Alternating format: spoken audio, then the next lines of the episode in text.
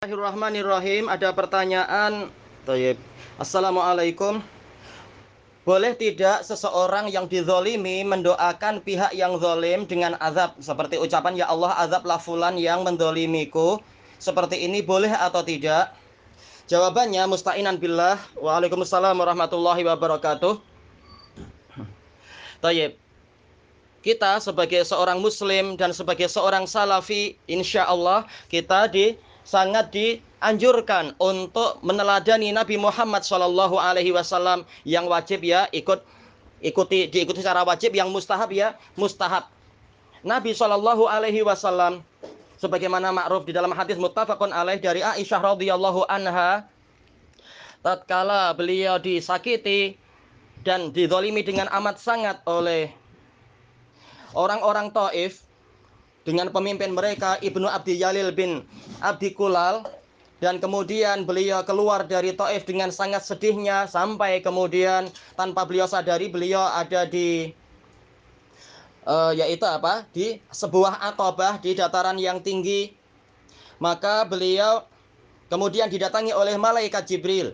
Kemudian mengatakan bahwasanya Allah telah mendengar jawaban kaummu kepadamu dan seterusnya dan ini malaikat uh, Akshabain yaitu penjaga dua gunung uh, datang untuk menerima perintah darimu. Kemudian malaikat itu datang dan uh, menawarkan kepada Rasulullah SAW untuk menimpakan dua gunung itu kepada penduduk Mekah dan Taif.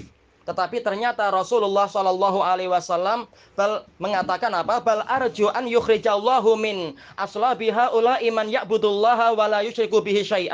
Bahkan saya mengharapkan untuk Allah mengeluarkan dari tulang sulbi mereka keturunan-keturunan yang menyembah Allah dan tidak menyekutukan dengan Allah sedikit pun. Ini adalah akhlak Nabi. Beliau memaafkan. Demikian pula di dalam hadis muttafaqun alaih dari yaitu diriwayatkan oleh Bukhari dan Muslim dari Jarul A'mas dari uh, gurunya yang di atasnya lagi yaitu apa? Ma'ruf di dalam uh, yaitu A'mas dari Syakik dari Abdullah yaitu Abdullah ibnu Mas'ud radhiyallahu an. Yaitu apa? Bahwasanya Rasulullah SAW bersabda ka'anni angduru ila nabiyyin minal anbiya darabahu qaumu fa'admau fahuwa yamsahu dama ala an wajhihi wa huwa yaqul Allahumma ghfir li qaumi fa innahum la ya'lamun. Yaitu Nabi SAW mengatakan seakan-akan saya melihat salah seorang dari nabi dari nabi-nabi yang terdahulu yang mengatakan yang dipukul oleh kaumnya sampai membuat beliau itu berdarah lalu sambil mengusap darah itu dari kepala mereka, kepalanya itu beliau mengatakan Allahumma ghafir liqaumi fa innahum la ya'lamun. Ya Allah ampunilah kaum saya karena mereka tidak mengetahui. Ini adalah kesabaran Nabi dan Nabi Muhammad SAW menceritakan itu sebagai apa? Sebagai teladan. Karena memang apa? Nabi Muhammad SAW suka meneladani nabi-nabi yang terdahulu. Ulaikal hadahumullah wa, wa mereka adalah orang-orang yang diberi hidayah oleh Allah dan dengan hidayah mereka itulah hendaknya engkau meneladani perintah pada Nabi dan tentunya apa?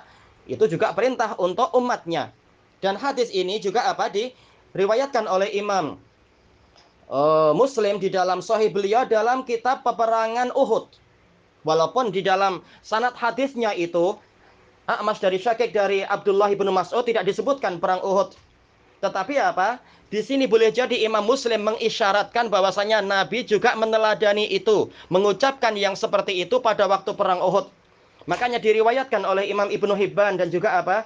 Eh, di dalam Sahih beliau dan juga Imam uh, At-Tabrani di dalam Al-Kabir dengan sanat-sanat mereka sampai kepada Musa bin Uqbah dari Az-Zuhri dari Sahal bin Sa'ad As-Sa'idi radhiyallahu anhuma bahwasanya qala Nabi sallallahu alaihi wasallam yauma Uhud Allahumma ghfir liqaumi fa innahum la ya'lamun. Nabi SAW berdoa di waktu perang Uhud mengatakan ya Allah ampunilah kaum saya karena mereka itu tidak mengetahui. Dan ini di, disebutkan oleh Al-Imamul Wadi'i rahimahullah ta'ala dalam Al-Jami'us Sahih. Jadi Nabi memang melaksanakan itu. Maka kalau Nabi saja demikian, alangkah bagusnya jika kita juga meneladani beliau dengan maka kita apa? Kita mendapatkan pahala dari satu sisi kita mendapatkan pahala ikut sunnah Nabi. Kita salafi, kita ikut salaf dan Nabi mengatakan nikmat salafu analak sebaik-baik salaf bagimu adalah aku. Nah, kita ikut salaf berarti apa? Kita ikut Nabi. Tayyib dan dari sisi yang lain Allah Subhanahu wa taala telah berfirman, "Faman afa wa aslaha fa ajruhu 'ala Allah." Barang siapa mau memaafkan dan membuat perbaikan, maka pahalanya ditanggung oleh Allah. Dijelaskan oleh para ulama, para mufassirin, kalau seseorang itu pahalanya ditanggung oleh Allah, maka tidak dibatasi dengan 10 atau 100 atau 700. Tetapi dia adalah tanpa batas, karena ini terkait dengan kesabaran. Sementara untuk kesabaran Allah Ta'ala telah berfirman, Innama yuwafas sabiruna ajrahum bighairi hisab. Hanyalah orang-orang yang bersabar itu yang pahalanya diberikan kepada mereka tanpa ada batasannya, tanpa ada yaitu apa? Tanpa ada iya batasannya. Hisab maksudnya adalah adat, tanpa ada bilangan. Toyib. Jadi alangkah bagusnya jika kita bersikap demikian. Makanya disebutkan dengan oleh Imam Az-Zahabi dalam Syiar A'lamin Nubala, biografi Imam Ahmad setelah beliau disiksa banyak sekali oleh pemerintah dan seterusnya sampai apa? Yaitu tiga tahun beliau disiksa. Maka beliau membaca firman Allah Ta'ala ini. Faman afa wa aslaha fa'ajruhu Allah. Dan beliau memaafkan semua orang yang menyiksa beliau. Tapi beliau mengatakan apa? Semuanya halal. Aku halalkan kecuali Ibnu Abi Duat. Karena dia adalah kepala mubtadi' Tapi apakah Imam Ahmad mendoakan kecelakaan untuk dia? Prakteknya tidak. Beliau tidak memaafkan tetapi juga tidak mendoakan kecelakaan. Tayyib. Maka sebaiknya sebaiknya kita tidak mendoakan azab untuk orang-orang yang mendolimi kita, menyakiti kita. Karena apa? Kita tidak tahu bagaimana kehidupan keadaan dia setelah itu. Boleh jadi apa? Dulunya dia jahil, dia cuma terbakar fanatisme, ditipu oleh para mutadiah agar ikut-ikutan marah, ikut-ikutan uh, menyerang kita padahal dia jahil saja. Dan boleh jadi suatu saat setelah Allah membukakan hidayah untuk dia, dia jadi baik. Seperti dulu Umar ibn Khattab sering menyiksa para sahabat yang lain. Tahu-tahu setelah itu jadi pembela yang sangat hebat sekali. Demikian pula Abu Sufyan, Ibnu Harab, demikian pula Abu Sufyan Ibnul Haris. Dan sejumlah para sahabat yang lain maka boleh jadi keadaannya seperti itu. Tayyib.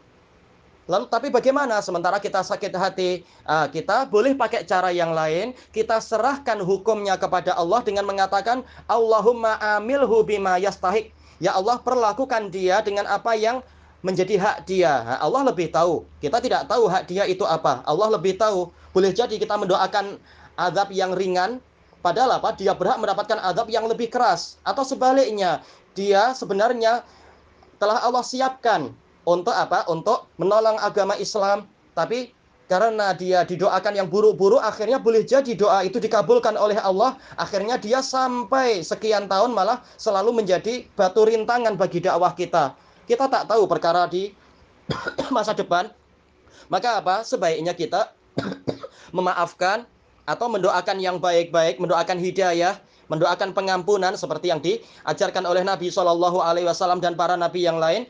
Atau apa? Kalau kita ingin membalas dengan balasan yang adil kita serahkan keadilan itu pada zat yang maha adil yaitu Allah. Kita mengatakan Allahumma amilhu bima yastahik. Ya Allah perga yaitu perlakukan dia dengan apa yang menjadi hak dia wallahu alam. Walhamdulillahi rabbil alamin